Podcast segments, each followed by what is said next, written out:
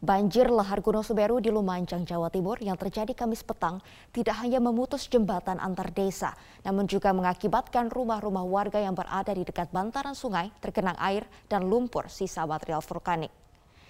Hingga saat ini intensitas banjir lahar Semeru terpantau mengalir deras di sepanjang daerah aliran Sungai Regoyo, Desa Gondorso, Kecamatan Pasirian, Lumajang. Material pasir dan batu sisa erupsi Gunung Semeru terseret aliran air hujan juga mengakibatkan akses jembatan penghubung Dusun Curah Kobokan dengan Dusun Kajar Kuning terputus. Selain itu banjir lahar juga meluap ke pemukiman penduduk.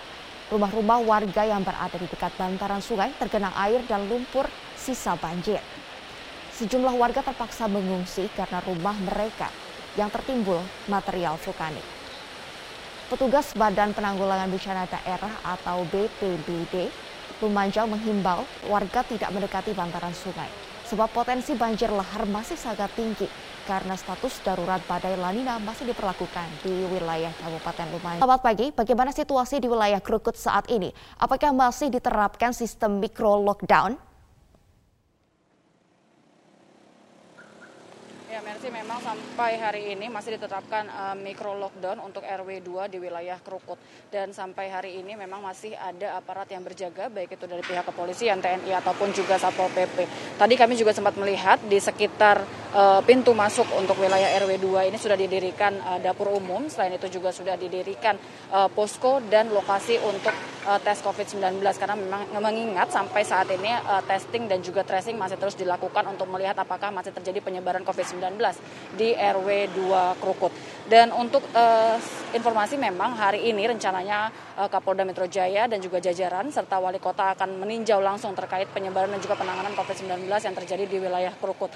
Karena memang untuk mikro lockdown sendiri sudah diterapkan di wilayah Krukut sejak tanggal 12 Januari uh, dan terkonfirmasi bahwa suspek pertamanya ini terpapar varian Omicron. Merci. Baik, sistem mikro lockdown masih diberlakukan sampai hari ini. Lalu bagaimana dengan penyebaran dan penanganan COVID-19 di Krukut?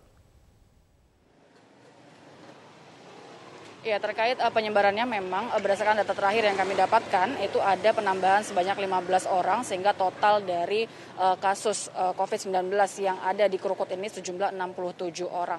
Uh, terkait uh, demikian memang ini berdasarkan dari hasil tes positif COVID-19 yang dilakukan tracing terhadap 660 orang di wilayah Krukut. Namun sampai saat ini ada kurang lebih sekitar 15 orang yang masih menjalani isolasi mandiri di kediaman mereka mengingat uh, saat ini masih terkendala untuk melakukan isolasi di Wisma Atlet. Untuk Camat uh, Taman Sari sendiri sampai saat ini masih mengupayakan agar seluruh warganya yang terpapar COVID-19 dapat melakukan uh, karantina di uh, Wisma Atlet. Dan selain itu memang kami juga akan berencana untuk mengkonfirmasi lebih lanjut terkait bagaimana upaya penanganan selain mereka memang juga telah menerapkan mikro lockdown dan juga menghimbau agar seluruh masyarakat yang melintas uh, di jalan utama uh, di sekitar wilayah R22 ini tetap melakukan protokol kesehatan ketat. Hujan dengan intensitas tinggi menyebabkan banjir lahar di sekitar wilayah Gunung Semeru, Lumajang, Jawa Timur, dan menyebabkan jembatan antar desa terputus. Sementara di Brebes, Jawa Tengah, hujan dengan intensitas tinggi juga menyebabkan jembatan penghubung antar kecamatan terputus. Banjir lahar Gunung Semeru di Lumajang, Jawa Timur yang terjadi Kamis petang tidak hanya memutus jembatan antar desa, namun juga mengakibatkan rumah-rumah warga yang berada di dekat bantaran sungai tergenang air dan lumpur sisa material vulkanik.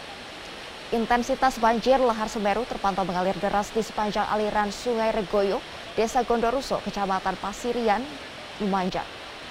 Material pasir dan batu sisa erupsi Gunung Semeru terseret aliran air hujan dan mengakibatkan akses jembatan penghubung Dusun Curah Kobokan dengan Dusun Kanjar Kuning terputus. Petugas Badan Penanggulangan Bencana Daerah atau BPBD di Lumajang menghimbau warga tidak mendekati bantaran sungai sebab potensi banjir lahar masih sangat tinggi karena status darurat badai lanina masih diberlakukan di wilayah Kabupaten Lumajang. Hujan yang terus mengguyur sejak Kamis sore menyebabkan jembatan penghubung antar kecamatan di Brebes, Jawa Tengah juga ambruk diterjang luapan sungai. Jembatan yang ambruk diterjang luapan sungai ini berada di Dukuh Karangbokong, Desa Kabal, Kecamatan Larangan, Kabupaten Brebes. Jembatan ambruk diakibatkan meluapnya dua sungai yang bertemu di lokasi jembatan ini dan menggerus pondasi jembatan. Saat ini pihak kecamatan setempat merencanakan membuat jembatan darurat yang bisa digunakan untuk mobilitas warga.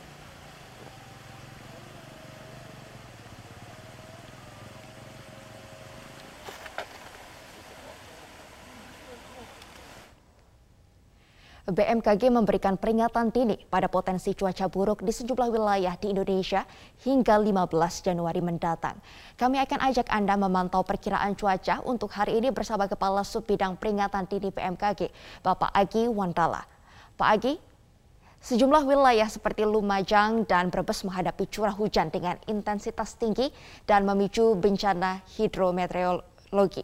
Bagaimana pantauan BMKG mengenai cuaca hari ini, Pak? Wilayah mana saja yang mendapatkan peringatan dini dari potensi cuaca buruk? Baik, terima kasih uh, Mbak Mercy. Bahwa saat ini benar uh, kondisi dari monsun Asia kembali menguat setelah pada awal periode tahun 2022 sempat uh, terjadi break yang cukup lama ya. Dan sekarang kita lihat daerah-daerah tekanan rendah yang ada di selatan Indonesia ini semakin memperkuat proses distribusi awan hujan ataupun masa udara di kawasan Indonesia. Dan seperti tadi yang disebutkan di kawasan Brebes, Lumajang, ataupun secara, secara umum di sebagian besar wilayah Jawa, baik itu Jawa Barat, Jawa Tengah, dan juga Jawa Timur ini tetap perlu waspada, sebagaimana BMKG sebelumnya telah menyampaikan, hingga tanggal 15 eh, Januari ini curah hujan eh, akan cenderung eh, meningkat. Dan pada hari ini saya juga sampaikan kondisi perkembangan terakhir di mana diperkirakan curah hujan tinggi akan terus berlangsung hingga uh, periode 20 Januari 2022 di mana sebagian besar wilayah Jawa, Bali, Nusa Tenggara dan juga nanti disusul kawasan Sumatera dan Kalimantan akan juga dihadapkan dengan potensi curah hujan tinggi sebagaimana lazimnya periode hujan di bulan Januari ataupun nanti di bulan Februari. Untuk itu BMKG terus mengingatkan dan juga menghimbau kepada masyarakat bahwa uh, secara umum pola-pola hujan ataupun daerah-daerah yang memang mendapat distribusi hujan yang cukup signifikan kurang lebih hampir merata ke depan di sebagian besar wilayah Indonesia sehingga betul-betul harus diwaspadai terutama daerah-daerah yang memang rentan terhadap terjadinya banjir bandang ataupun uh, banjir perkotaan misalnya Eh, dan secara khusus daerah-daerah yang memang lereng ya Mbak ya, ataupun eh, daerah-daerah yang memang sering sekali eh, terdampak dengan curah hujan yang tinggi karena memang akan kita hadapi sampai nanti tanggal 20 Januari 2022. Mbak Mercy. Baik, Pak Agi, kawasan Laut Utara Jawa semenjak empat hari terakhir mengalami gelombang tinggi. Selain wilayah Utara Jawa, kawasan mana lagi Pak yang memiliki potensi gelombang tinggi? Baik, uh, secara umum memang dengan kondisi angin baratan yang semakin menguat, beberapa daerah di kawasan Indonesia ini mengalami uh, gelombang yang cukup tinggi dan benar bahwa di sebagian besar utara uh, Jawa Tengah dan juga sebagian Jawa Timur ini termasuk dengan kondisi uh, gelombang uh, sedang hingga tinggi. Dan daerah-daerah lainnya yang betul-betul perlu diwaspadai, khususnya di uh, sektor penyeberangan ataupun jalur-jalur laut, itu antara lain juga di sekitar Laut Sulawesi, kemudian juga di perairan utara Nusa Tenggara, serta di sekitar wilayah Laut Maluku.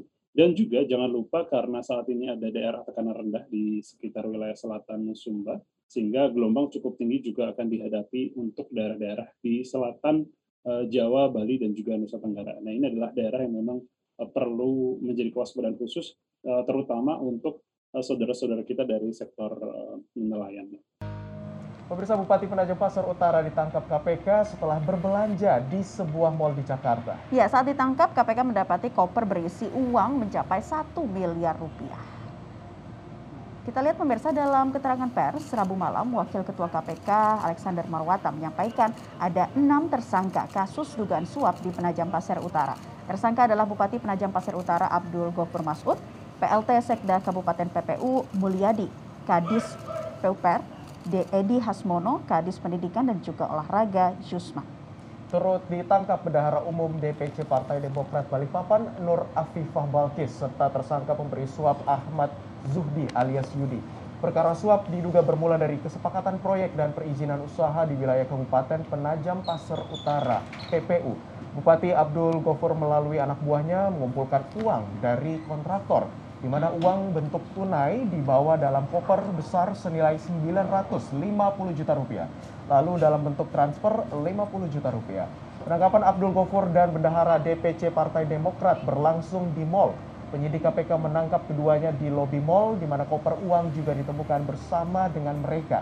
Penyidik KPK juga menemukan uang lain senilai Rp447 di rekening milik Nur Afifah. Ya, barang bukti uang dan barang-barang bukti lain hasil belanja di mal juga turut disita oleh KPK.